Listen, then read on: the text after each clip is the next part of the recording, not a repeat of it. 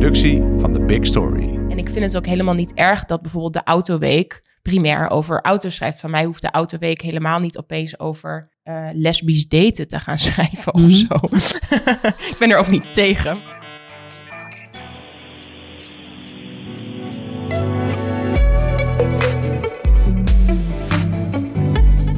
Dit is Komt een blad bij de dokter, de podcast van bladerdokter.nl over media-innovatie. Met haar Instagram-account Zijkschrift stelt Madeleine van de Nieuwenhuizen misstanden in de Nederlandse media aan de kaak. Over stereotyperingen en over hoe weinig er bij tijdschriften rekening wordt gehouden met inclusiviteit. Madeleine is rechtshistoricus en promoveert nu de City University in New York. Ze is 28 en vertegenwoordigt een groeiende groep kritische mediaconsumenten die van media ook verwachten dat ze meer verantwoordelijkheid nemen. Over misstanden, cultuuromslag en natuurlijk goede voorbeelden praten we vandaag in de podcast van bladerdokter.nl. Eh Madeleine, welkom. Dankjewel. Eh, je, eh, wanneer ben jij begonnen met je Instagram-account? Iets meer dan drie jaar geleden inmiddels. Volgens mij drieënhalf jaar. Wat was toen je, je belangrijkste doel? Waar- waarom ben je daarmee begonnen? Nou, ik had eigenlijk geen idee waar ik nou eigenlijk precies mee begon toen ik ermee begon. Ehm, dat wil zeggen, ik, ik was eh, toen een zomer bij mijn ouders in, in Oldenzaal in 2016. Ehm, en ik zou de week daarop naar New York verhuizen om aan mijn master daar te beginnen. En ik was nog een week bij mijn ouders om wat tijd met ze door te brengen. En mijn ouders zijn eh, allebei altijd fysiotherapeut geweest. Dus we hadden een leesmap thuis aan het eind van de maand, die mijn vader dan achter op de fiets meenam uit de praktijk, uit de wachtkamer. En ehm, dus we hadden altijd, we hadden altijd een, een maand oude bladen thuis, met helemaal zo vet bevingerd van Ja. alle patiënten die er doorheen waren gegaan. Dus ik groeide op met heel veel bladen en ehm, ben toen op een gegeven moment gaan studeren en uit huis gegaan. En eh, was toen weer wat langer, een wat langere tijd bij mijn ouders thuis. Dus nam die bladen weer door. En ehm, ja, schrok toen eigenlijk van. Het was een paar, paar jaar geweest dat ik dus niet zoveel bladen had gelezen. En ik had inmiddels gestudeerd en had wat, was wat kritischer over de wereld gaan nadenken. En las toen bladen en dacht: jeetje, veel stereotypes nog, veel reducerende stukjes, veel, nou ja, dit en dat. En toen ging ik een beetje zoeken online van, oh, waar, hoe werkt dat eigenlijk met bladen? Hoe worden zij ter verantwoording geroepen? En daar zijn niet echt veel kanalen voor Nee. in de media. Nou, niks, voor zover ik weet. Nee. Ja. En toen eh, heb ik een paar foto's gemaakt van artikelen die ik een beetje onzinnig vond. En ik dacht, weet je wat? Volgens mij is Instagram wel grappig. Dat, dat was toen nog niet zo'n heel, eh, heel veel Ja, gebruikt. dat was net nieuw. Ja. Dat was net nieuw en dat werd vooral eigenlijk gebruikt voor vakantiekiekjes en avocado toast en poezen, eh, waarover niks dan goeds. Maar ehm, ik dacht, volgens mij kan je het ook anders gebruiken, want het is een heel visueel platform. Ehm, en ik wil dit gewoon documenteren. Eh, en misschien is dat een beetje de historica in mij, die erg bezig is met dingen documenteren en vastleggen, ook als geen hond er eigenlijk geïnteresseerd in is. Dus ik begon het meer, als je me vraagt van met wat voor idee begon je het, was het eigenlijk meer documenteren dan echt wat het nu inmiddels is geworden. Weet je nog wat de trigger was? De- het allereerste bericht waarvan je dacht, nou, dat kan echt niet. Ja, nou, ik las een paar artikeltjes à la, eh, zo kom je aan je zomerlijf. Eh, tien tips om zo snel mogelijk af te vallen. En daarvan dacht ik al, nee, nog steeds. Ehm, maar toen las ik een column in Jan Magazine en die ging over een, eh, die columniste die omschreef hoe ze haar schoonmaakster, hoe die, nou, dat was een, tussen aanhalingstekens, oud exemplaar uit Bulgarije met kapotte knieën. Ehm, die dacht even de vloer te kunnen boenen met één emmer sop. En die ontsloeg ze met de woorden Donka ontslagen, niet goed schoonmaken, dag. Want die sprak niet goed Nederlands. Nou, en ik vond dat, ik vond dat echt een schandalige column. Ik vond dat erg denigrerend. Het had ook iets, ik weet, ik weet niet zeker of elitair het goede woord is, maar het had, het had iets heel, eh, ik vond het zo naar hoe er over die vrouw werd geschreven. En ik dacht, wow, dit blad is een maand oud, want uit de praktijk. Mhm. Dus hier is vast al iets over geschreven of gedaan. En dat was niet zo, want ik ging googlen en ik kon niks vinden. En toen ging ik naar de website van de Raad voor de Journalistiek. En daar staat dat je alleen maar, eigenlijk in het geval van smaad of laster, Ja. eh, als het jezelf betreft, het een, een klacht mag doen of kan doen. En dit betrof niet mijzelf, maar iemand anders waarvan ik vond dat hij slecht behandeld was. Uh, en daar, kon, daar kun je dan dus nergens mee naartoe. En toen ben ik zijkschrift begonnen. Dus dat was echt de. Bij die column dacht ik tot hier niet verder. Noem eens een paar bladen waarvan jij denkt, nou, hier is echt werk aan de winkel. Nou ja, ik, ik zat een beetje na te denken over die vraag. En um, het, het, grappige, het grappige is dat. Um, kijk, er zijn bladen die ik kan noemen die ik ik vind sommige bladen beter dan andere. Maar het is eigenlijk over de gehele linie zo. Iedereen, elk blad slaat wel eens een flater. Mhm. en, um, en, en, en dus het, het mijn hele punt met het account is juist het, het aantonen dat er echt patronen zitten over de gehele linie. Dus dat kan uh, de, wat misschien vaker bij de Telegraaf of bij uh, dat magazine Vrouw van de Telegraaf mhm. voorkomt dan in de L of de Harper's Bazaar of de Volkskrant, betekent niet dat de L of de Harper's Bazaar of de Volkskrant nooit dat soort, uh, dat soort, dat soort gedrag vertonen. Ja. Um, maar um, ja, ik vind bijvoorbeeld als je kijkt naar, laten we zeggen, de vrouwenbladen, um, dan zie je bijvoorbeeld er zijn verschillende manieren om ernaar te kijken. Je kunt, je kunt kijken naar, oké, hoe inclusief zijn de verhalen die verteld worden? Hoezeer wordt mensen uh, regeltjes opgelegd van zo behoor je te gedragen? Mhm. Wat voor, nou ja, als je bijvoorbeeld kijkt naar een, het verschil tussen um, Gratia en Linda, um, dan zie ik Linda echt meer haar best doen om um, ongewone verhalen te vertellen. Mhm. En waarbij het hoofddoel eigenlijk is om dat verhaal te vertellen. Als de Gratia een ongewoon verhaal vertelt, zit er al veel sneller iets sensationalistisch aan dan bij de Linda. Een soort bermtoerisme. Ja, um, dan is het veel meer van, uh, ik had anorexia en mijn vriend ook. Of zo, weet je wel? En, en ik zeg, oké, die heb ik nog nooit gelezen. Maar um, gewoon iets, iets waarvan je denkt, iets wat ik zeg maar ook zou gaan lezen. Gewoon omdat het zo clickbait-achtig is. Terwijl het bij de Linda, gewoon om even twee, om, om even een. Beide vertellen dan een ongewoon verhaal, maar pakken het op verschillende manieren aan. Maar dat betekent niet dat de Linda het altijd goed doet. Of dat ik nooit. Ik heb ook op Linda kritiek gehad. Mhm. Ehm, maar het is dus niet zo dat ik bepaalde bladen zie als die doen het altijd goed. Of sommige zijn beter in bepaalde dingen dan andere. De Um, er, is een aantal thema's die jij uh, behandelt hè, met uh, Zijkschrift. En ik wil, uh, ik wil heel even die thema's met jou benoemen. En meteen dat jij daar ook een soort definitie aan geeft. Hè? Want er, er is, dit is natuurlijk echt wel een ding van deze tijd. Hè? Dat we het hebben over inclusiviteit en over seksisme. En, maar er lopen heel veel van dat soort begrippen door elkaar. Dus ik denk dat het ook wel even een beetje woordboekachtig uitleggen uh, handig is. Ja, ik zal dus ik denk dat jouw belangrijkste is inclusiviteit, denk ik. Ja. Als ik zo naar je account kijk. Hè. Kun je daar een definitie van geven? Ik zou zeggen, um, ja, die, is, die is lastig, want die omvat veel. Maar iets in de trant van uh, elkaar welkom doen voelen en gelijkwaardig behandelen met extra aandacht voor sociaal-maatschappelijk gemarginaliseerde groepen. Mm um, en wat ik daar eigenlijk mee bedoel is dat je ik merk vaak in gesprekken met journalisten dat inclusiviteit uh, een beetje een, een platgeslagen buzzwoord is geworden. Waarbij uh, ze vaak zeggen: Oh, dat, dat is toch dat er uh, genoeg vrouwen aan tafel moeten zitten. En dat er zo nu en dan een, een donker model op de cover staat.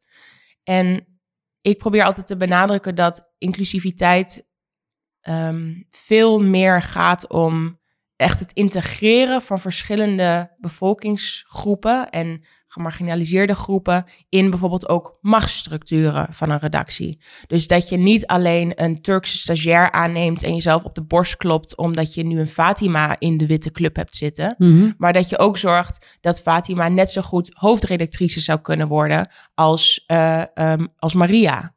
Um, dus het gaat over uh, proactief proberen na te denken over niet alleen hoe je, hoe, je een, hoe je een boxje kan aankruisen, maar hoe je kan zorgen dat, um, dat je mensen aan de ene kant, dat je aan de ene kant um, mensen van verschillende, met verschillende achtergronden probeert te betrekken in, en, en welkom heet en gelijk behandelt, maar dat je ze niet reduceert tot één aspect van hun identiteit. Dus dat als we het even over die Fatima hebben, Ja. dat zij niet de hele tijd op het dossier Ramadan wordt gezet, elke zomer, Mhm. maar dat zij net zo goed over fiscale economie kan schrijven. ja. Ehm, Ja, en eh, ehm, wat ik ook vind bij inclusiviteit is dat er is heel erg. Er zijn ja, een soort van golven geweest in deze discussie. Hè? Eh, vrouw versus man, dat was een eerste. Dan eh, donker versus eh, wit, dat was een tweede. Maar ik zie ook dat ehm, eh, bijvoorbeeld gay versus straight is een, is een aspect geweest. Maar je ziet dus nu ook dat ehm, bijvoorbeeld in de wereld van de glossies ehm, eh, slank en vol. Hè, dat, dat, eh, dus eh, plus-size models en die hele discussie over het feit dat alleen maar graadmagere modellen in een blad ook een verknipt wereldbeeld geven. Ik zie nu ook dat leeftijd eh, aan de deur klopt, eh, zeg maar. En dat er ook steeds ehm, harder wordt gepleit voor eh, het feit dat niet alle modellen in bladen, nou ja, zeg maar, op ja, dat soort van uiterste houdbaarheid van 28 eh, hebben qua leeftijd. Maar oudere vrouwen ehm, in al hun pluimage, zeg maar, dat die ook welkom zijn. mooi woord, pluimage. Ja, ja. Dat is een liedje van. ehm, ehm, eh, nee, uh, Michael Franti van Spearhead. Die heeft een liedje. En eh, dat is een heel vrolijk liedje. En dat is all the, all the crazy people make the beauty in this world. Oh, mooi. Nee, sorry. All the freaky people make the beauty in this world. Because all the freaky people make the beauty of the world. All the freaky people make the beauty of the world. Stay human. See why. Een hartstikke leuk liedje. Goed. Ehm, nog zoiets. Seksisme.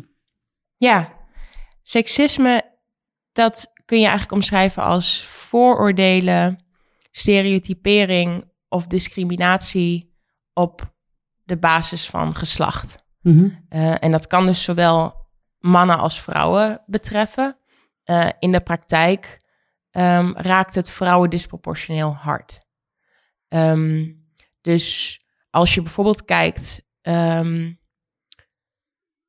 als je bijvoorbeeld kijkt naar statistieken, dan zie je dat vrouwen eigenlijk over de gehele linie, eh, of nou, vrouwen op heel veel verschillende fronten in de maatschappij rond de, de beruchte 30% blijven bungelen. Dus bijvoorbeeld ongeveer 30% van vrouwen zit, ongeveer 30% van de Tweede Kamer bestaat uit vrouwen. Ongeveer 30% van de deskundigen die aan talkshowtafels aanschuiven zijn vrouwen. Ongeveer 30, ik geloof 28% van de topfuncties in het Nederlands bedrijfsleven wordt ingevuld door vrouwen.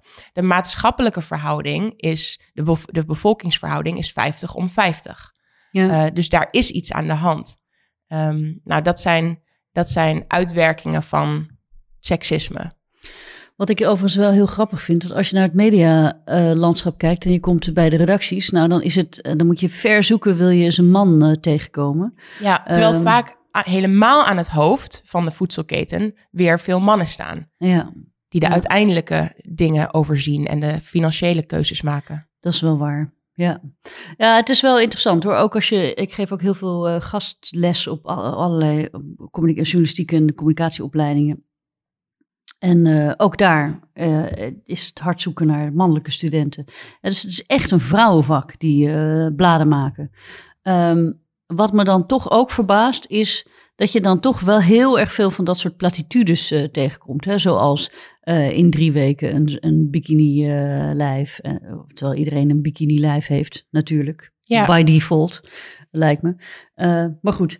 Ja, nee, maar wat je, wat je zegt is heel interessant, want ehm, daar denk ik ook veel over na. Van hoe, eh, en dat merk ik ook wel eens op, op Zijkschrift, dat als ik bijvoorbeeld een post plaats over eh, een artikel wat aan bodyshaming doet van vrouwen, en dat is geschreven door een vrouw, zeggen veel mensen in de commentaarsectie vaak van, oh, wat extra wrang, ze is zelf ook nog eens vrouw. Ehm, hoe kan dat nou? Waarom houden vrouwen dit zelf in stand? En ehm, het is ergens wel logisch dat als je zelf, als je zelf hebt geleerd om aan bepaalde maatschappelijke ideeën te voldoen, dat je die ook doorgeeft. Want op het moment dat jij opstaat en zegt: Wacht eens even, dit is best wel een, een een messed up eh, constructie, dan erken je eigenlijk dat jij zelf jarenlang door een hele wrange eh, constructie in het keurslijf bent gehouden. Hm. Dus er zit iets heel, eh, als je gewoon kijkt naar de psychologie eronder, is het, is, het heel, is het heel gelaagd. En snap ik heel goed dat mensen dingen die zij zelf hebben geleerd op een bepaalde manier te doen, in stand houden. Omdat daar tegenin gaan inhoudt dat je erkent dat je niet alleen hebt bijgedragen aan iets wat je eigenlijk niet zo mooi vindt, maar dat je ook gevormd bent door iets wat eigenlijk niet zo in de haak is. Ja, eens. Eens. Nou, turf je regel, eh, geregeld in de, in, de, in de bladen hoe de representatie is. Hè? Dus je gaat ook echt, ehm, en dat is een soort, eh, ja, bijna een rubriekje in, eh, op Ins- Instagram. ehm, op het account van Zijkschrift, dat je gewoon gaat turven in het blad. Ja. Ehm, hoe staat het ermee? Ja, nou ja, wat ik dan doe is dan, dan neem ik een stapeltje bladen, meestal een stuk of zes of acht. En dan tel ik het volledige aantal mensen afgebeeld. Dus ook als ze dubbel zijn afgebeeld of in een Mhm. fotoshoot zitten, gewoon het totale aantal mensen afgebeeld. Ehm, en dan kijk ik hoeveel daarvan wit zijn en hoeveel daarvan mensen van kleur zijn. En dat is vrijwel altijd ergens. Ja, dat bungelt meestal wel. Het is meestal 80 om 20. Mhm. Ehm, maar soms ook 90 om 10. En soms is het wat beter. Dan is het, eh, weet ik wel, 70 om 30 of zo. Ehm, maar bijvoorbeeld de Margriet, die springt er altijd een beetje bovenuit met eh, 127 mit- witte mensen versus vier mensen van kleur. eh, waarvan dan één op een theereclame in een veld in Indonesië thee aan het plukken is. Ja, Eh, want ik tel ook de reclames mee. reclames mee. Ja. Ja, dus, dus eh, en, en, en, soms, en soms is het meer in balans. En dan stel ik eigenlijk de vraag daarbij: ehm, hoe zouden we nou willen dat die verdeling is? Ehm, want dit is duidelijk, zo'n 127 versus 4 is duidelijk nogal curieus. Ga naar, eh, nou ja, of het nou Oldenzaal is waar ik vandaan kom of Amsterdam, dat is niet het straatbeeld dat ik zie, die verhouding. Maar als we het even één stap verder nemen, van hoe zouden we het willen zien dan? Zouden we, vinden we dat ehm, gelijk, gelijke representatie en volwaardige representatie van verschillende groepen in de samenleving betekent dat je dat doet naar percentage? Mhm. Dus eh, in Nederland is ongeveer 12,7, als ik me niet vergis, 12,7 procent eh, mensen van kleur. Dat wil zeggen mensen met een niet-westerse migratieachtergrond. Nou, betekent dat dat we willen dat media een maatschappelijke representatie is. En dat het dus inderdaad oké is als eh 88 procent van de mensen afgebeeld wit is en 12 procent naar, de, naar de percentages van kleur. Hmm. Of zouden we willen dat eh, het bijvoorbeeld 50-50 is? Of Ja. zouden we willen dat het verschilt per regio? En dat bijvoorbeeld de Limburger krant, dat het helemaal oké is, omdat daar inderdaad meer witte mensen wonen dan mensen van kleur. En dat het in Rotterdam, dat je een iets ander blad wil zien. Ehm, dus er zijn verschillende manieren waarop je daarnaar kan kijken. Wat je ook kan zeggen is, filosofisch gezien zijn mensen, en dat geloof ik tot in, zeg maar, het diepst van mijn tenen, dat mensen eh, niet alleen voor de wet gelijk zijn, maar ook sociaal gelijk zijn, ook filosofisch gelijk zijn. En zou het dus ook zo kunnen zijn dat je soms een blad hebt waarin 90 mensen van kleur staan en 10 witte mensen zonder dat iemand zijn wenkbrauwen optrekt. Hm. Ehm, maar dat soort gesprekken zijn vaak best moeilijk om filosofisch of, of, of om, om wat dieper op in te gaan met, met mensen, omdat ze zo verkrampen bij die discussies. Ja. Dus met dat turven probeer ik het gewoon even heel concreet te maken van dit is wat er gebeurt. Nou doe je dat al een, heel, nou doe je dat al een, een tijdje. Zie je, ehm, ja, zeg maar, als je nou al die turflijstjes zou bijhouden en je kijkt naar drie jaar geleden en je kijkt naar nu, is, het, is de situatie dan verbeterd? Ja, wel verbeterd zou ik zeggen. Ja. Ehm, ik weet niet of het verschil tussen drie jaar geleden en nu heel groot is, maar ik weet bijvoorbeeld wel dat het verschil tussen tien jaar geleden en nu Ja. echt heel significant is. Ehm, en dat geldt zowel voor ehm, columnisten in kranten, bijvoorbeeld, wat veel meer divers is geworden, tot eh, fotoshoots in lifestyle bladen. Ja, er zijn in die afgelopen tien jaar natuurlijk best wel wat eh, gebeurd. Hè? En ik moet ook wel zeggen dat ehm, een, we hebben het. In mijn ogen is eh, de, de weg naar een meer inclusievere representatie van eh, mensen in, eh, de, eh, de, in de media van Nederland. Dat is een cultuuromslag en dat heeft altijd een tijd nodig. Nou, en en bij, zoals bij elke cultuuromslag zijn er ook een paar van die kantelpunten geweest die ontzettend veel aandacht hebben gekregen, waardoor ook ja, het het denken over ehm, eh, representatie en over hoe je omgaat met je mediavoering en je toonzetting in relatie tot inclusiviteit. Ehm, ja, dat je dat, ehm, dat je dat ook als stippen op de kalender kunt zeggen. Ik denk dat de eerste in Nederland, de eerste eh, in Nederland, dat was in 2011 met de Nigga Bitch affaire. Eh, dat was een, ehm, eh, dat was in, in de glossy Jackie. Daar stond een foto van Rihanna, de zangeres Rihanna, en daar stond onder.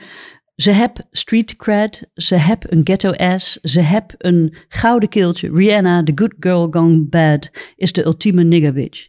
Nou, dat is enorm, ik weet niet of je het je kan herinneren, maar Ja, dat is kan een ik zeker. enorm ontploft. Ja, Ehm, zelfs eh, op tot het moment dat eh, Rihanna heeft gereageerd op Twitter. En toen ook heeft eh, gezegd. eh, dat was een bericht aan Eva Hoeken, de toenmalige hoofdredacteur. Your magazine is a poor re- representation of the evolution of human rights. I find you disrespectful and rather desperate. Ja. Nou, dat is een, best wel een affaire geweest. Ik denk dat het een hele goede wake-up call is geweest voor heel veel bladen. ja. ja en het, wat ik er zo ehm, interessant aan vind, nu ik het, nu ik het terughoor. eh ik denk dat, dat bij iedereen vooral het N-woord heel erg is beklijft als het centerpunt van die discussie. Maar wat ik nu interessant vind om te horen is dat die taal, dus dat ze heb street cred, Mhm. ze heb een ghetto ass, dat impliceert ook klasse. En dat impliceert ook een soort eh, grammaticale. ehm, het doet me een beetje denken aan, aan, aan Joe Biden, die eerder deze week eh, in een interview met, eh, met Charlemagne eh, zei. ehm, als je niet voor mij stemt, then you ain't black. Ja. En waarbij die eigenlijk bedoelde van als je tussen Trump en mij kunt kiezen bij deze verkiezing en je stemt en je stemt voor Trump, then you ain't black. Waarmee die bedoelde als je als je zwart bent, African American bent en weet wat goed voor je is, dan stem je op mij. Maar die ain't is zo interessant, want hij kiest daar dus you Ja. ain't black. Hij zegt niet then you are then you aren't black. Hij zegt you ain't black. Dus hij adopteert een eigenlijk zwarte vernacular eh, manier van spreken. Eh, en dat, en waar, waar, waar heel veel mensen terecht over vielen. Eh, en dat doet me nu hierin denken van ze hebben street cred. Ze gaan opeens die, die, die, die woordkeuze ook, ook aanpassen. Dus het is niet alleen een rassen-issue, maar ook een soort, ook een soort sociale klasse ding. Eh, ja, ik weet dat nog heel goed, ja. Ja, ik, ik denk ook niet meer dat, eh, dat er een redactie is die dat gaat, ehm, die over die bananenschil gaat uitgeleiden. Nog zo'n kantelpunt. Dat was 2017. Eh, dat was een artikel op fashionweek.nl. eh, dat toen onderdeel van de Telegraaf Media Groep. Dat werd overigens doorgeplaatst op de metro. En daar, eh, daar heeft het natuurlijk veel eh, bekijk gehad. Daarin impliceerde Karen Sverink, die was toen hoofdredacteur van Vogue, dat er niet genoeg geschikte donkere modellen waren. Nou, tenminste, dat was de interpretatie. Zij zei het anders. Uh, ze vert- vertelde vooral dat uh, Imaan uh, Haman, een Nederlands, een Nederlands model met Marokkaans-Egyptische roots, uh, eigenlijk het enige model was die goed genoeg zou zijn voor de cover van Vogue. Um, alleen dat zij, omdat ze in internationaal aanzien staat, moeilijk te boeken is.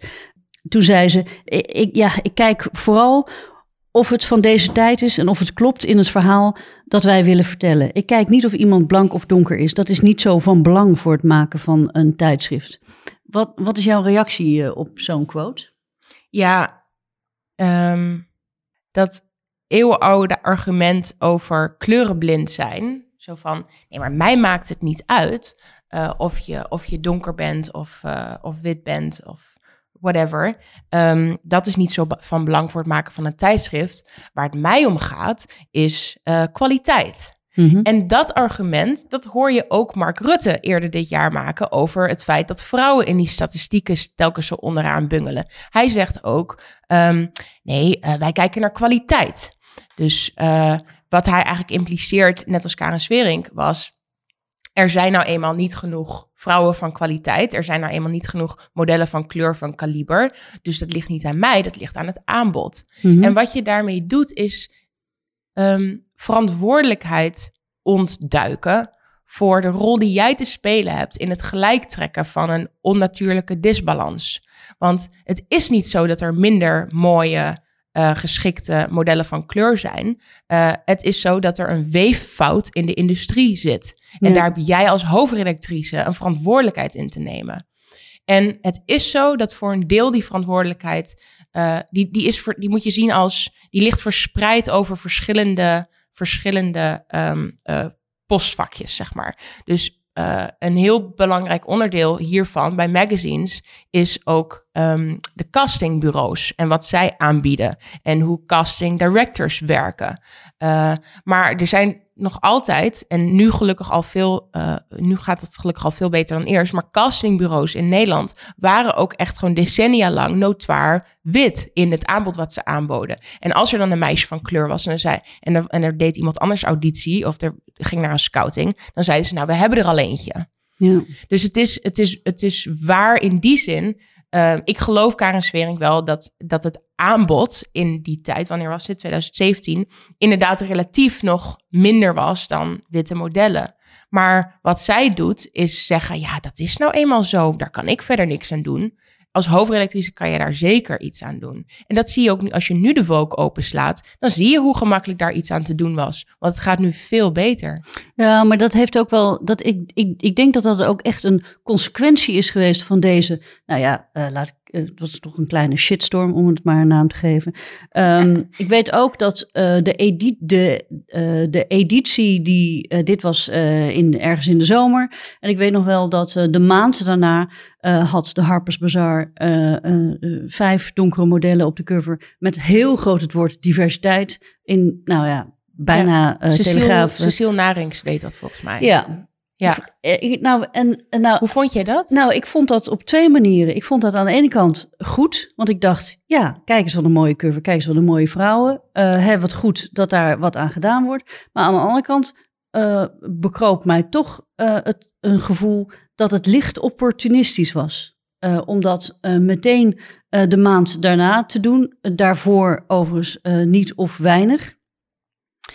Dus ik vond, eh, ik vond het ook van, ja, eh, er is een enorme discussie gaande en je duikt daar als een hyena op. Ja. Ehm, is, ehm, ehm, eh, ja, dus dat was heel dubbel. Ja, ik, ik snap heel erg wat je bedoelt. En voor mij is dat heel erg tweeledig. Aan de ene kant vind ik het wrang omdat er een soort special issue van gemaakt wordt. Ja. En dat is per definitie trendgevoelig. Dus bijvoorbeeld, dat zie je nu ook een aantal keer met thema's als eh, politiek protest. De Glamour had, had een tijd geleden een cover met, eh, die, die heette iets van eh, Protest of Rebels of zo. En dat ging dan over maatschappelijk geëngageerde protesterende jongeren. Mhm. Nou, heel goed. En ik vind ook sowieso goed in Bladerland dat er meer en meer aandacht is voor jongeren die zich echt politiek uitspreken. In plaats alleen maar van vijf tips om je vriend.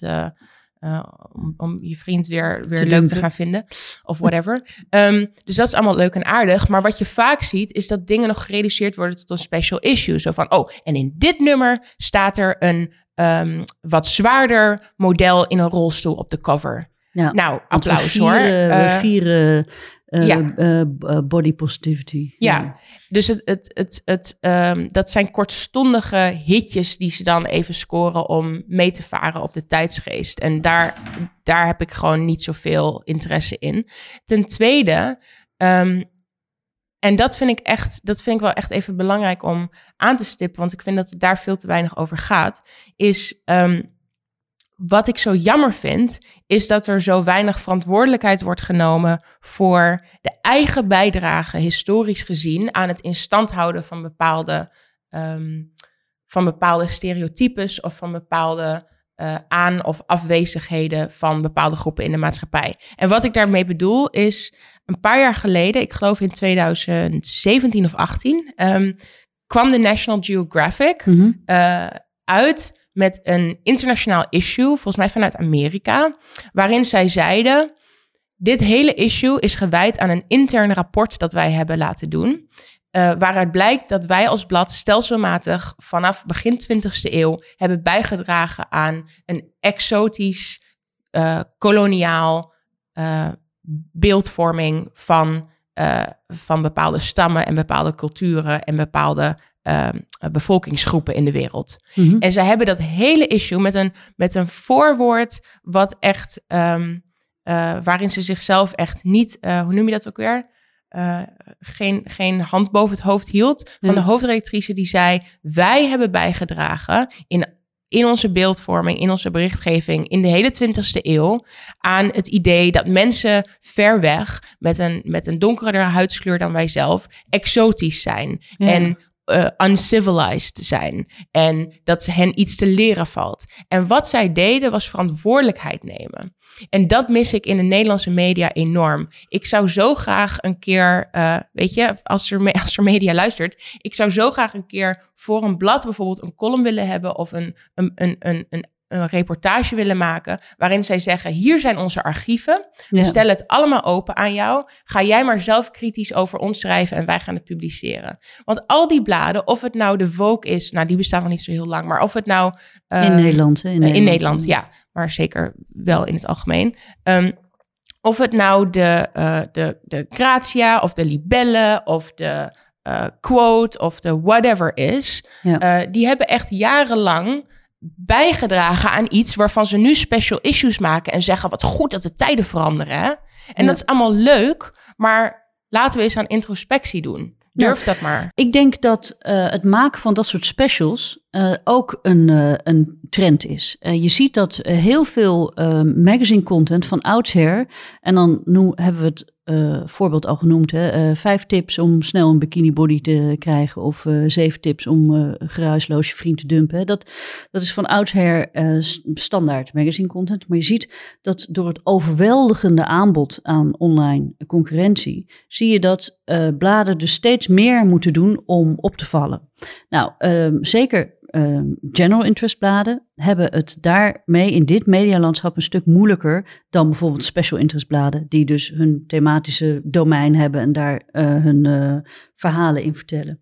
En ehm, daardoor zie je dus steeds meer bladen ehm, stelling nemen, laat ik het zo zeggen. Stelling nemen om wat meer op te vallen, om je kop boven dat maaiveld te doen in die enorme tsunami aan content waar eh, eh, consumenten tegenwoordig uit kunnen kiezen.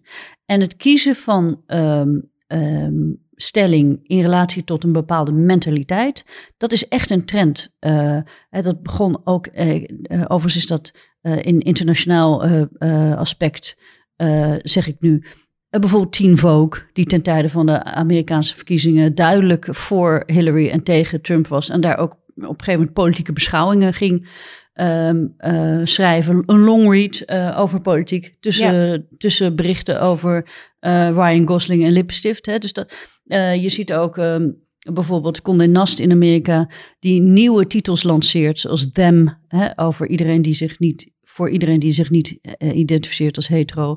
En Iris voor vrouwen die zich niet herkennen in het eh, heersende medialandsbeeld. hè, dus of dat nou kleur of maat of wat dan ook is. Eh, dus je ziet dat het stelling nemen in mentaliteit, dat dat toch echt wel een, een trend is. En ik zie in Nederland ook steeds meer bladen eh, die dat ehm, overnemen. Je kunt bijvoorbeeld bij Linda, je kunt daar bijna de klok op eh, gelijk zetten. Maar één of twee keer per jaar hebben ze een, een special over een groot maatschappelijk thema. Zoals obese, eh, online shaming, ehm, eh, lelijk zijn tegen elkaar op Twitter. Dat was ook een thema van ze. Ehm, eh, Margriet, net al eerder genoemd, hè, die, die komt nu op voor eenzaamheid en opkomen voor elkaar. En met een vriendinnen, ehm, een soort vriendinnenclub. Nou ja, je ziet dus dat steeds meer bladen proberen dus ook iets eh, bij te dragen. Eh, maar inderdaad, het is eh, weinig structureel. Het zijn specials, het zijn acties. Het is niet iets wat je in de reguliere nummers terugziet.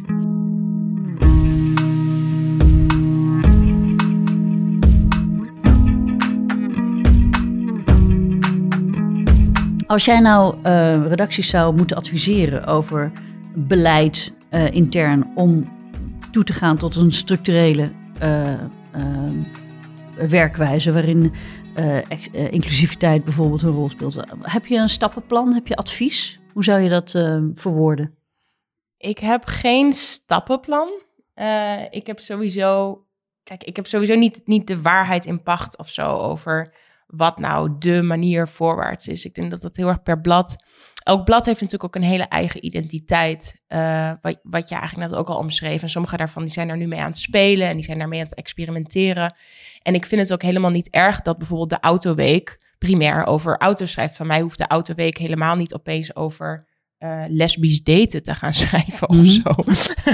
ik ben er ook niet tegen, maar. ehm, maar ik bedoel, dat, dat zie ik niet als een, als een soort statement wat zij maken tegen de lesbische gemeenschap. Weet Ja. je wel, het staat iedereen vrij om, om te schrijven voor wie ze willen en waarover ze willen. Maar, de, maar het is wel goed, denk ik, voor een redactie om zich af te vragen. Kijk, bijvoorbeeld als we even dat, dat voorbeeld van de Margriet nemen. Ehm, en het feit dat zij echt vaak heel erg wit zijn in hun Mhm. Vaak hebben bladen een, een, een soort eh, hypothetisch figuur voor wie ze schrijven. Dat- Ja, de eikenpersoon. Wat zei je? De eikenpersoon Ja, ja, dat, precies. ja. Ja, dat ik- is overigens een praktijk uit 1984. Hè? Dat mag echt niet meer. Dat Oh, kan, nee? Nee, oh, dat is echt zo... Ja, nou, nee, ik heb het nog. Ik heb één jaar schooljournalistiek gedaan ja. eh, om een propeduizen te halen, zodat ik door kon naar de universiteit. En daar hebben we nog eh, daarover geleerd. En dat Ja, was in. Dat weet ik. En ik geef ook heel vaak les op schooljournalistiek en ik kom dat ook tegen. En ja, dan, kom ik met, dan kom ik altijd eh, met het hoofdstuk segmenteren kun je leren. En dan zeggen ze, ja, maar wij moeten één eikpersoon vinden. En dan zeg ik, nou, dan, dat kan gewoon niet meer. Dat is zo niet van deze tijd. Hè, je hebt, ehm, eh, en dat is het, de meeste eh, magazines maken... eh, eh, eh, eh, tij- eh, tijdschri- maken content. Eh, nou, en dat is het, het nadeel van print. Dat is e- één product voor iedereen. Hè? Maar online biedt natuurlijk ontzettend veel mogelijkheden om allerlei ver- verschillende doelgroepen aan te boren. ja, een heel mooi voorbeeld vond ik. Ik heb ooit een gesprek gehad met de hoofdredacteur van Refinery29, wat ik een heel tof mediamerk vind. Het heeft een Amerikaanse, een Britse en een Duitse versie. Ehm, het is ehm, ja, lifestyle voor vrouwen. Ehm, zij vertelde een keer dat ze een eh, eh, Koreaanse redacteur had. En die vertelde, nou, ik wil heel graag een beauty rubriek beginnen voor vrouwen met Koreaanse ogen. Want als je, als je geen oogleden hebt, is make-uppen echt heel lastig. En daar is niks. Kunnen we dat niet doen? Nou, elke hoofdredacteur zou, zou zeggen, ja, dat is zo'n kleine doelgroep. Ja, nee, dan, dan, dan sla ik zoveel mensen, dan bedien ik zoveel mensen die dat niet relevant vinden. Doe maar niet zij draaiden het om en ze zei: Nee, tuurlijk, ga je gang. We gaan gewoon eh, beginnen met deze nieuwe serie en dan gaan we testen. En als het een succes is, dan gaan we door. En iedereen kreeg eh, de, de gelegenheid om daar proefballonnen op te laten op de redactie.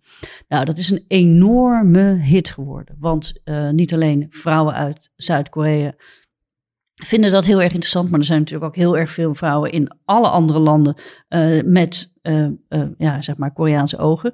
Ehm, dus dat was razend populair. Dat is een van hun beste, meest succesvolle beautyblogs geworden.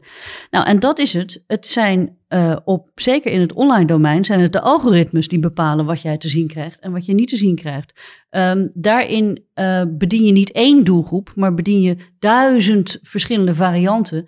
Ehm, die eh, de algoritmes echt wel op de juiste plek weten te brengen. Dus ik vind Ja. zeker in het online domein als tijdschrift moet je segmenteren. Dus nog één keer voor iedereen die luistert: de eikpersoon is niet meer van deze tijd. Nou ja, en wat ik, ehm, wat ik daar nog aan zou willen toevoegen is dat ehm, want de redenering is nu erg, en dat zag je ook bijvoorbeeld bij de omvorming van dat idee dat heel lang gold binnen tijdschriftenland, dat een zwart model op de cover verkoopt niet. Ja. Nou, dat bleek ook de grootste bullshit eh, die, er, die, er, die er is. Ehm, en, en onnodig en ook gewoon kwalijk.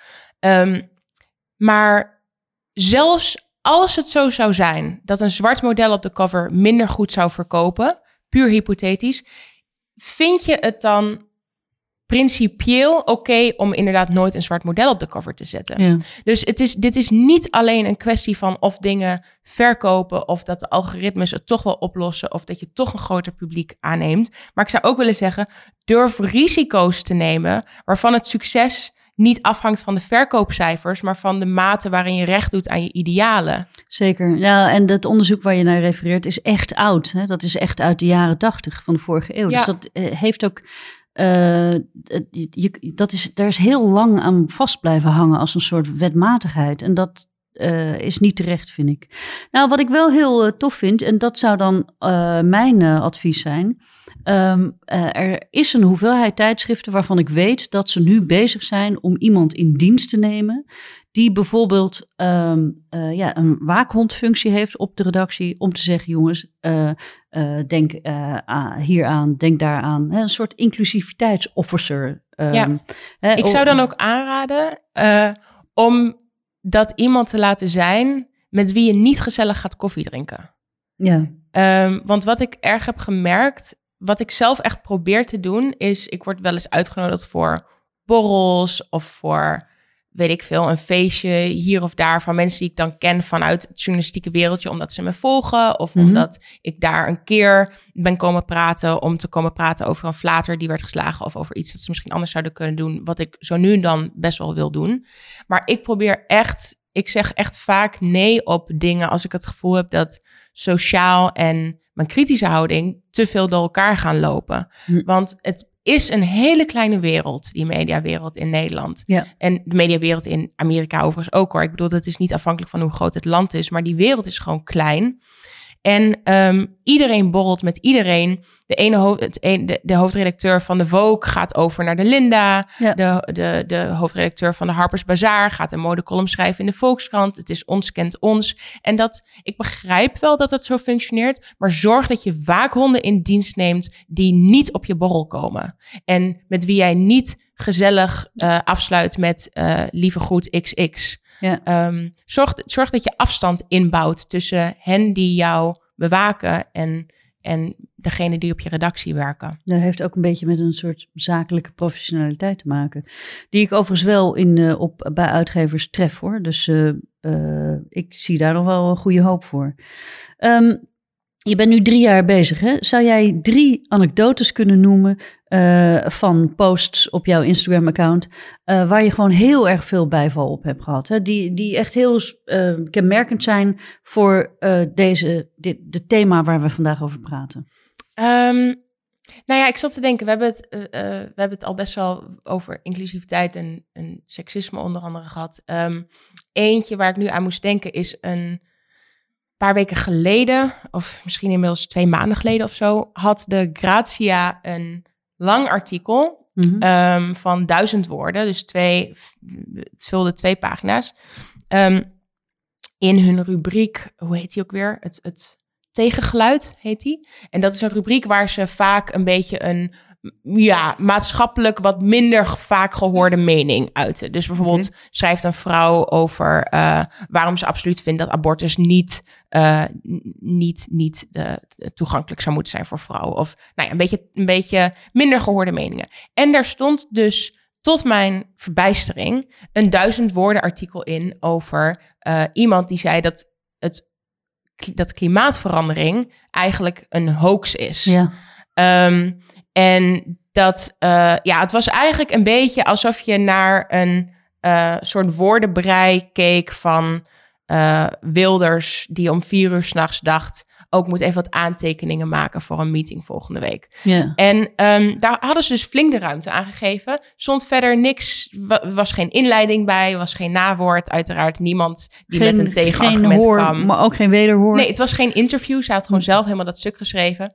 En daarvan dacht ik echt, nou echt, my mind was blown. Ik dacht, hoe kan dit nou gepubliceerd zijn? Want het is één ding om een onpopulaire mening te verkondigen. Het is echt een ander dossier als jij misinformatie welwillend verspreidt middels een nationaal blad dat wekelijks verschijnt.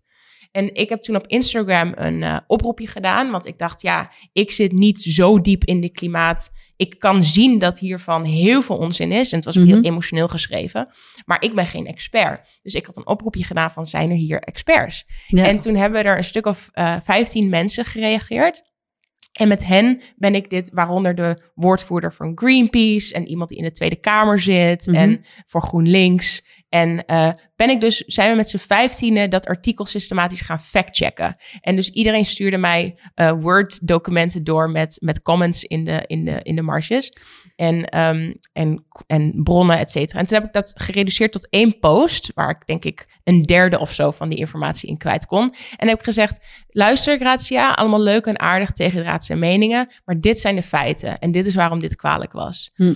En to her credit heeft die hoofdredactrice binnen 20 minuten na het posten gereageerd en gezegd: Oeh, ja, hier was al discussie, flinke discussie over op de redactie. Dit hebben we niet goed gedaan. Dit zullen we niet meer doen. We zullen meer nadenken over informatieverspreiding. Dus dat vond ik ook een. Kijk, het kwaad was al geschied. Dat ding had in de schappen gelegen.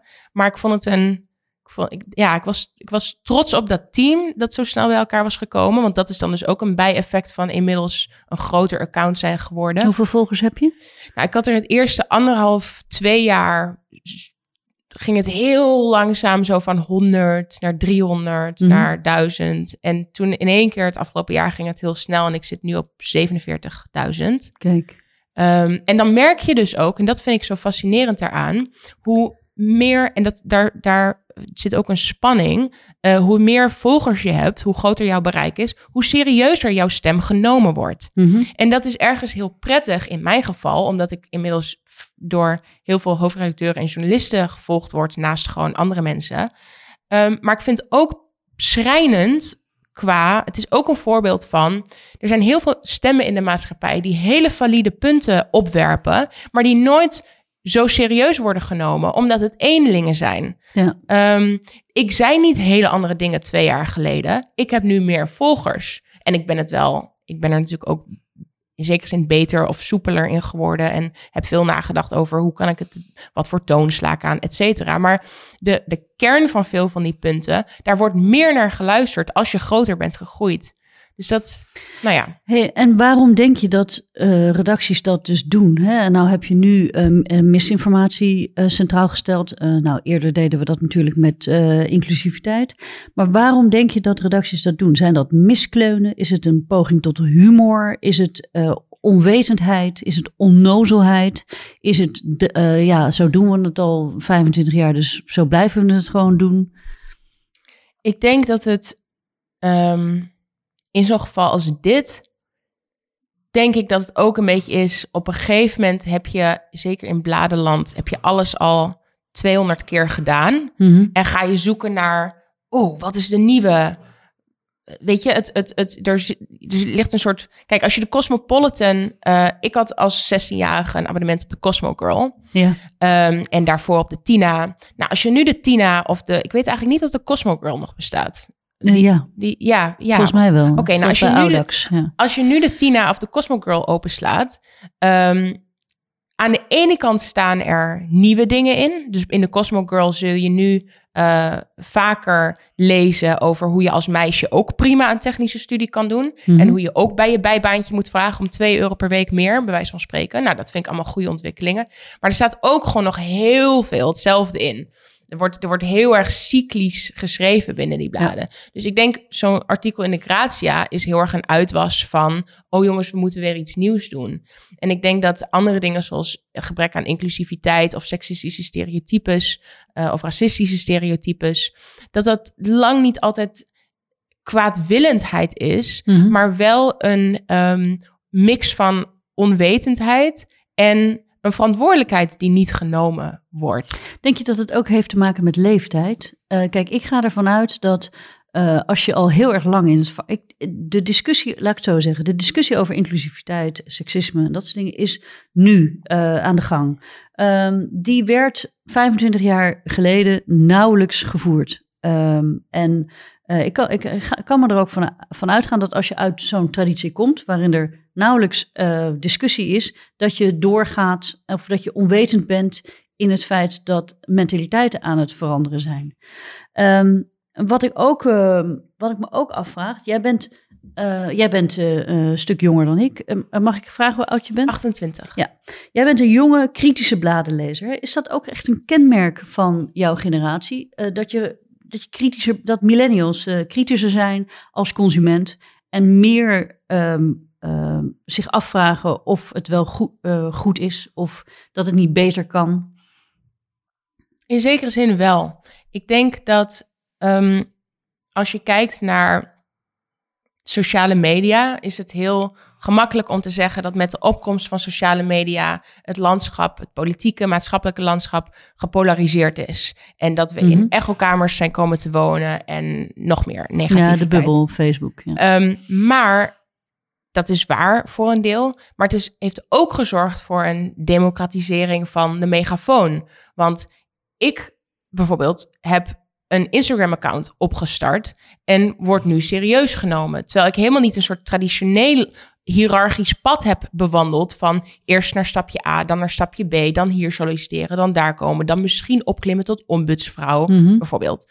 Ehm, andere stemmen in de maatschappij via Twitter, of dat nou eh eh, kick-out Zwarte Piet demonstranten zijn, of eh, weet ik het wat, die zich op Twitter laten horen, worden, worden gehoord. En ehm, hoeven niet meer de gebaande paden te bewandelen richting de microfoon. Ja. En ik denk dat, dat dat voor een deel eraan bijdraagt dat mensen hun informatie, de, ehm, het is niet meer, het wordt niet meer door de vaste actors bepaald wat voor informatie eruit gestuurd wordt. Mensen kunnen hun eigen informatie opzoeken. En dat kan in het slechte geval dus ook leiden tot het vinden van misinformatie. Mhm. Maar in het goede geval dus ook tot het vinden van meer stemmigheid. Ehm, en ik denk dat dat iets is van de internetgeneratie. In, in mijn generatie is millennials, maar ik zie dat ook bij mijn nichtje van 16. Ja. Ehm, en ik denk ook een, een, een ehm, mijn generatie, en daar, ik kan natuurlijk niet voor een gehele generatie spreken, maar er is ook een desillusionering geweest met bepaalde stabiliteiten waarmee we zijn opgegroeid over hoe de wereld werkt, Ja. hoe een democratie functioneert, dat, het, eh, dat Engeland gewoon, dat, dat het VK bij de EU zit, dat je alleen maar president kunt worden als je een eh, eh, basaal competent persoon bent, dat je een economische crisis hebt waaruit eh, de grootste kwaaddoeners niet berecht worden. Dat zijn allemaal dingen waardoor mijn generatie, denk ik, is gaan denken: hey, what the fuck? Al die dingen die ons verteld zijn over hoe de wereld eh, in elkaar steekt en hoe eh, post-Tweede Wereldoorlog westerse stabiliteit is gecreëerd, daar valt nogal wat op af te dingen. Daar zitten eigenlijk behoorlijk veel zwakke plekken in dat systeem. Mhm. Dus het, het, het hangt met allerlei dingen samen, denk ik. Maar ook, ook met zulke grote verhalen. Maar je, moet je, dus, je kunt dus ook stellen dat eh, eh, nou, de gemiddelde leeftijd van Nederland is ehm, eh, 41 voor mannen en 43 voor vrouwen. Dat weet ik, want dat vertel ik altijd in mijn lezingen. Dus dat betekent dat ehm, eh, een jonge, die millennial generatie, waarvan de oudste geloof ik eh, 38, 39 zijn, hè, de, ehm, dat is dus bijna de helft van Nederland. Dus als jij als mediamaker eh, niet nadenkt over zaken als eh, inclusiviteit eh, en het voorkomen van eh, seks- seksisme en dat soort ja, misstappen, dan is de kans dus veel groter dat je nu mensen tegen de schenen, tegen de haren instrijkt of tegen de schenen schopt.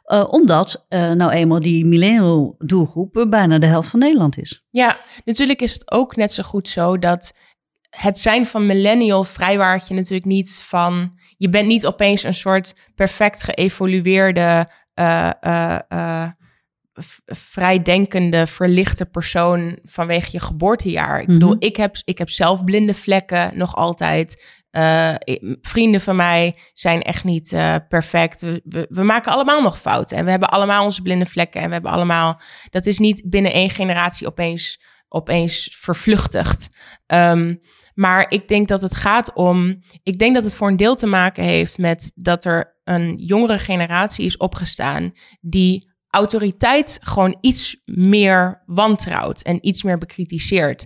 En dat kan er dus toe leiden dat je of eh, meer kneedbaar bent voor complottheorieën, Mhm. of het kan ertoe leiden dat je kritischer nadenkt en niet zomaar alles voor zoete koek slikt en zegt: hé, hey, waarom hebben we over deze thema's niet gehoord? Waarom zegt iemand hier niet iets over? En wat betreft Medialand, ehm, ik denk eh, dat ook in media dingen gewoon van generatie op generatie worden doorgegeven. Dus als jij naar de school voor journalistiek gaat en nog steeds leert over de eikenpersoon en jij wordt blademaker, nou dan kun je 28 zijn, maar dan heb jij nog geleerd over de eikenpersoon. Ja, is zo, is zo, ja. Ehm, ja. Kun je nog een eh, voorbeeld geven? Ehm, ja, een ander voorbeeld is, eh, kijk, op niet alles, op niet alles krijg ik zo'n reactie als, als de hoofdredactrice van de Grazia. En Mhm. dat, dat hoeft ook niet. Journalisten hoeven ook niet bij elke, elke adem die ik uitblaas eh, te zeggen, oh, je hebt gelijk. Helemaal, helemaal niet. Eh, dus ik vind het ook prima als mensen niet erop reageren Mhm. of het met me oneens zijn. Maar ehm, ik zal gewoon in vogelvlucht een paar dingen noemen. SBS Shownieuws had een eh, kop op hun website en die, die, die luidde... Vriendin Thijs Reumer krijgt koninklijk bezoek. Oh, En ik plaatste erbij, sorry, wie? ja. En dat ging dus over Igoné de Jong, eh, top eh, Zeer ballerina. bekend. Ja. Ja, ja, die na 24 jaar afscheid nam bij het Nationale Ballet. Ehm, maar nog altijd kennelijk in haar paspoort heeft staan dat ze vriendin Thijs Reumer heet. Ehm, een ander voorbeeld is... ehm, Ja, dat vind ik überhaupt wel altijd hoor. Als vrouw wordt nieuwe president van, of vrouw wordt directeur, dat staat heel vaak in de, ja, en, eh, en in de krant. Hè. Dat is het, het nieuws dat de functie dus bekleed wordt door een vrouw, is dus groter dan, het, dan dat de naam wordt genoemd in de kop. Ik snap er helemaal niks van. Nou ja, dat is, en dat, is, dat vind ik nog best een lastige. Kijk, bij die vriendin van, of als je refereert naar Amal Clooney, eh mensenrechtenadvocaat, als de vrouw van George Clooney komt op bezoek in Den Haag. Dat, dat vind ik gewoon ronduit eh, kwalijk. Ehm, maar ik snap ergens wel dat als je bericht over eh, vrouw wordt eh, premier Oostenrijk of zo, dat het ook nieuwswaarde heeft dat zij een vrouw is, omdat dat misschien nog nooit is voorgekomen. Maar zet dat dan in de eerste alinea Niet en noem gewoon kop. haar naam Ja. in de kop. En ik heb bijvoorbeeld ook een keer. ehm, nou ja, een, een, een, een ander voorbeeld op- op dat front is dat de Telegraaf die had een poll op hun website en die luidde: kan een moeder wel premier zijn? Ja. En ik zei: die vraag impliceert dat er iets inherent is aan het moederschap wat jou ongeschikt maakt voor premierschap. Dus ik zei toen een beetje flauw in de volgende slide: eh, kan een seksist wel hoofdredacteur zijn? Ehm, Heb je een reactie van eh, Paul Jansen? Nee, heel gek. Nee. ik had geen reactie. Ehm, nou, een ander voorbeeld is ehm, eh, dat ik met de Cosmopolitan, met de hoofdredactrice daarvan, een keer op de radio een goed gesprek heb gevoerd. Want ik heb hen bekritiseerd omdat zij heel vaak artikelen. Zij hadden heel lange tijd een dossier dat heette Love and Men. Mhm. En dat ging over, over liefde en over dating en over seks. En daar werd altijd van uitgegaan dat de partner van de lezeres in kwestie een man zou zijn. En ik zei, zo, er bestaat ook zoiets als eh, biseksualiteit of lesbisch zijn of whatever, waarbij de partner een vriendin is of eh, niet, niet een man in elk geval.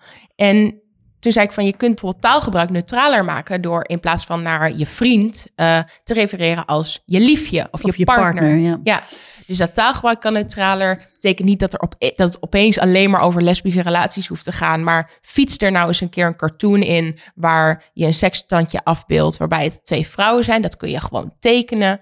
En dat was, dat was wel een goed gesprek die ik toen met haar. En dat, hebben ze, dat, hebben ze ook, dat zijn ze ook anders gaan doen. Een laatste voorbeeld is. ehm, eh, van, die is al wel van een paar jaar geleden, maar vond ik ook interessant uit de quote. Die hadden, ehm, ik pak hem er eventjes bij, want die is wel leuk om even direct te, te quoten. Dat was een artikel in de, in de quote en dat ging over onderhandelen met een makelaar over een huis. Ja. Over de prijs van een huis. En de laatste zin van het artikel luidde: Bedenk wel, die leuke perenboom in de achtertuin is geen reden om 5000 euro extra te bieden. Met andere woorden, laat uw vrouw thuis als u gaat praten over de prijs.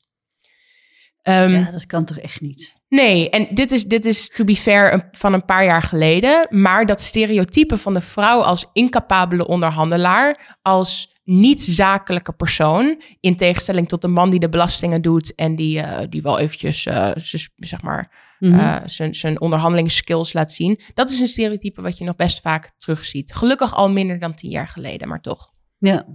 ja, nou goed, ik denk dat het ook heel erg met... je, je, als je kijkt naar de redactie van Quote, eh, dat, daar werken over het algemeen mannen. Ja, dus eh, ik denk dat ook een van de beste adviezen die je kunt geven, kijk ook eens even naar de samenstelling van je team. Ja, en ik vind dat Sander Schimmelpenning, hoofdredacteur, al een veel betere koers vaart. Want er zat, als ik me niet vergis, voorheen een vrouwelijke hoofdredactrice Ja. bij de quote. Ehm, onder ja. haar verscheen dit artikel. Mm. Ehm, dus, en ik vind dat Sander Schimmelpenning wel goed is in meer vrouwelijk ondernemerschap benadrukken de afgelopen jaar, twee jaar. Eh, dus dat dan weer wel. Kijk, er is nog hoop voor de mensheid. Ehm, even best practices. Want ik wil niet alleen maar bash, bashen en eh, negatief, en, eh, maar ook even positieve verhalen. Kun jij een paar hele goede voorbeelden noemen die je tegenkomt om, om dat eens te bewieroken? Nou, ehm, nee, sowieso. Kijk, mensen zeggen wel eens van, oh, je runt een Instagram-account Zijkstrift, zit je dan ook altijd ziedend de bladen door te bladeren. En dat is gelukkig helemaal niet zo. Overigens heb ik ook nog een leven ernaast. maar, ehm, ehm, maar nee, ik bedoel, dat is meer een soort grapje op, op zijkwijf en, en tijdschrift. Om een beetje mensen voor te zijn die zouden zeggen, Mhm. oh, een, een zeikende vrouw. Maar ehm, nee, maar ik vind, dat er, ik vind dat, er, dat, er, dat er heel veel goed gaat. En wat ik al zei, eh, ook veel beter, zeker dan tien jaar geleden. Ik zie in ehm lifestylebladen echt meer diversiteit in zowel huidskleur als lichaamstypes. Als, het is gewoon altijd interessant dat het in, in gradaties gaat. Dus bijvoorbeeld, als je het hebt over lichaamsvormen, er zijn meer lichaamsvormen en er zijn zo nu en dan wat meer leeftijden die aan bod komen. Maar die lichamen zullen nog altijd, eh, of bijna altijd, een zandloperfiguur hebben. Of een symmetrische neus. Ja. Of een, eh, eh, die zullen niet een, een hand missen. Of die zullen niet. Dus er gaat vaak, er gaat, gaan vaak dingen beter, maar er, er is altijd ruimte voor, voor verbetering. Nou, wat ik al zei, als ik bijvoorbeeld kijk naar de Volkskrant, vind ik dat zij het heel goed doen qua, en NRC ook wel, qua diversiteit van columnisten die ze hebben. Ja. Ehm, Parool, Parool doet, dat ook, doet dat ook best goed. Ehm, ik hou me niet zo heel erg bezig met televisie. Eh, ik denk wel eens als ik dat zou doen, dan, dan, eh, Ja, dan eh, dan, kom ik niet meer aan mijn, aan mijn PhD-werk toe. Ja. Ehm, nee, maar er, even denken of ik nog één. Ja, ik heb wel een eh, goed voorbeeld. Ik heb het eerder gehad al over Refinery 29. Ehm, en ehm, de hoofdredacteur vertelde een keer eh, dat ze eh, op het online magazine eh, aan het turven was en gewoon te veel eh, stokbeeld vond. eh, die je bij Shutterstock of bij iStock-foto's kunt vinden. En dat is over het algemeen ja, nogal blank en nogal slank. Dus toen, die heeft toen het, het initiatief genomen om een eigen serie stokfotografie te gaan schieten. Met een enorme plamage aan modellen. Dus niet alleen verschillende representatie in huidskleur, maar ook in haarkleur, tatoeages, piercings. ehm, eh, ehm, inderdaad ook ehm, eh, verschillende lichaamsbouwen, eh, verschillende leeftijden. Daar hebben ze een hele toffe eh, serie van geschoten. En die hebben ze dus ook aangeboden aan Getty Images. En Getty Images heeft dat opgenomen in de collectie. En die heet ook No Excuses. Dus die kun je gewoon als... al- Alle bladen kunnen daar dus toegang tot krijgen. En dat vond ik echt een heel goed voorbeeld van een mediamerk... wat daar eh, zijn verantwoordelijkheid in neemt. En dat ook eh, beschikbaar stelt aan anderen.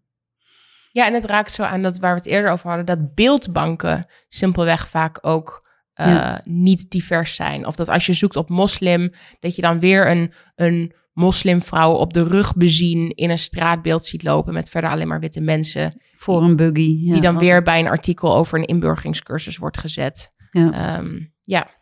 Eens. Als je nou, eh, als je nou bij een, in de media werkt en je werkt bij een redactie en je wil gewoon je wat meer verdiepen in eh, deze materie, wat zou je dan aanraden? Om, zijn er boeken of eh, documentaires die je kunt zien?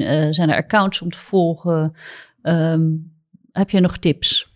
Nou ja, ik heb eigenlijk een, een rits van tips. En dat is een heel beperkt lijstje. Maar ik dacht een aantal thema's die, die daar wel aan raken. ehm, en die je ook gemakkelijk op kunt zoeken. Ik heb een aantal documentaires die ik erg goed vond. Bijvoorbeeld Hogan versus Gawker. Dat is een documentaire op Netflix.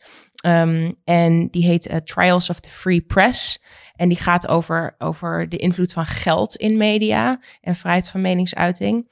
Ehm, documentaires ook op Netflix over Nina Simone en over Maya Angelou zijn ontzettend goed. En die gaan eigenlijk over hun werk, hun, hun persoonlijke leven. Het zijn een soort memoires, maar ook over de rol die racisme in hun leven heeft Mhm. gespeeld.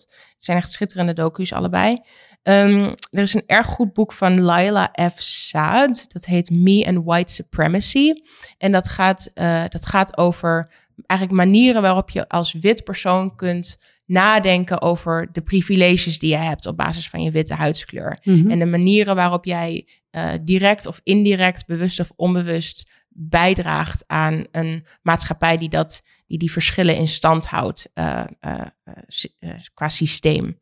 Um, een Nederlands boek daarover is Witte Onschuld van Gloria Dekker. One World, de website en het blad, heeft hele goede artikelen over zo kun je als media schrijven over Um, dus die hebben bijvoorbeeld uh, ook een, een goed artikel in samenwerking met Transgender Netwerk Nederland over ja. hoe schrijf je nou over transgender personen. Dus ja. ga vooral ook googlen, zou ik zeggen. Durf, durf dingen te googlen als uh, um, media of journalism, how to dit of dat thema. Of uh, zoek gewoon Nederlandse boeken op over feminisme. Dus ga je inlezen, ga films kijken. Kijk de nieuwe documentaire over, uh, weet ik veel, Hillary Clinton of uh, iets ja. in een Nederlandse context.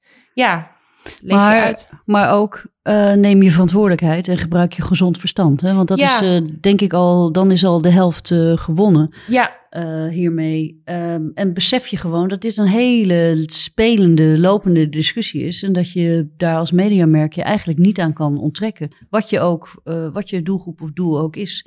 ja uh, en, vind ik. en ook durf te experimenteren. Mijn ding met zijkschrift is niet dat. Mijn doel is niet dat we naar een wereld toe gaan waarin er nooit meer flaters worden geslagen. Of waarin er nooit meer misstappen worden begaan. Maar ook hoe, wordt, hoe reageer je als je merkt dat je eigenlijk iets anders had moeten doen? Ja. Um, daarom, daarom gaat het bij mij ook nooit heel erg om de schandpaal, maar veel meer om wat gebeurt hier nou? Ja, nou interessant. Wil je daar meer van weten? Volg Zijkschrift op Instagram. En uh, Madeleine, ik wil je heel erg bedanken voor dit gesprek. Dankjewel, leuk.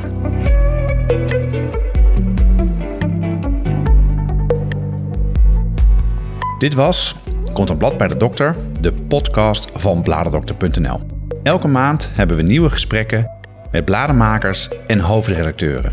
Bekijk alle gesprekken op bladerdokter.nl of nog beter, abonneer je op deze podcast via iTunes of Spotify. We horen graag je mening, dus laat een review achter op iTunes en laat weten wat je van deze podcast vindt. Of wie je graag wilt horen in toekomstige uitzendingen.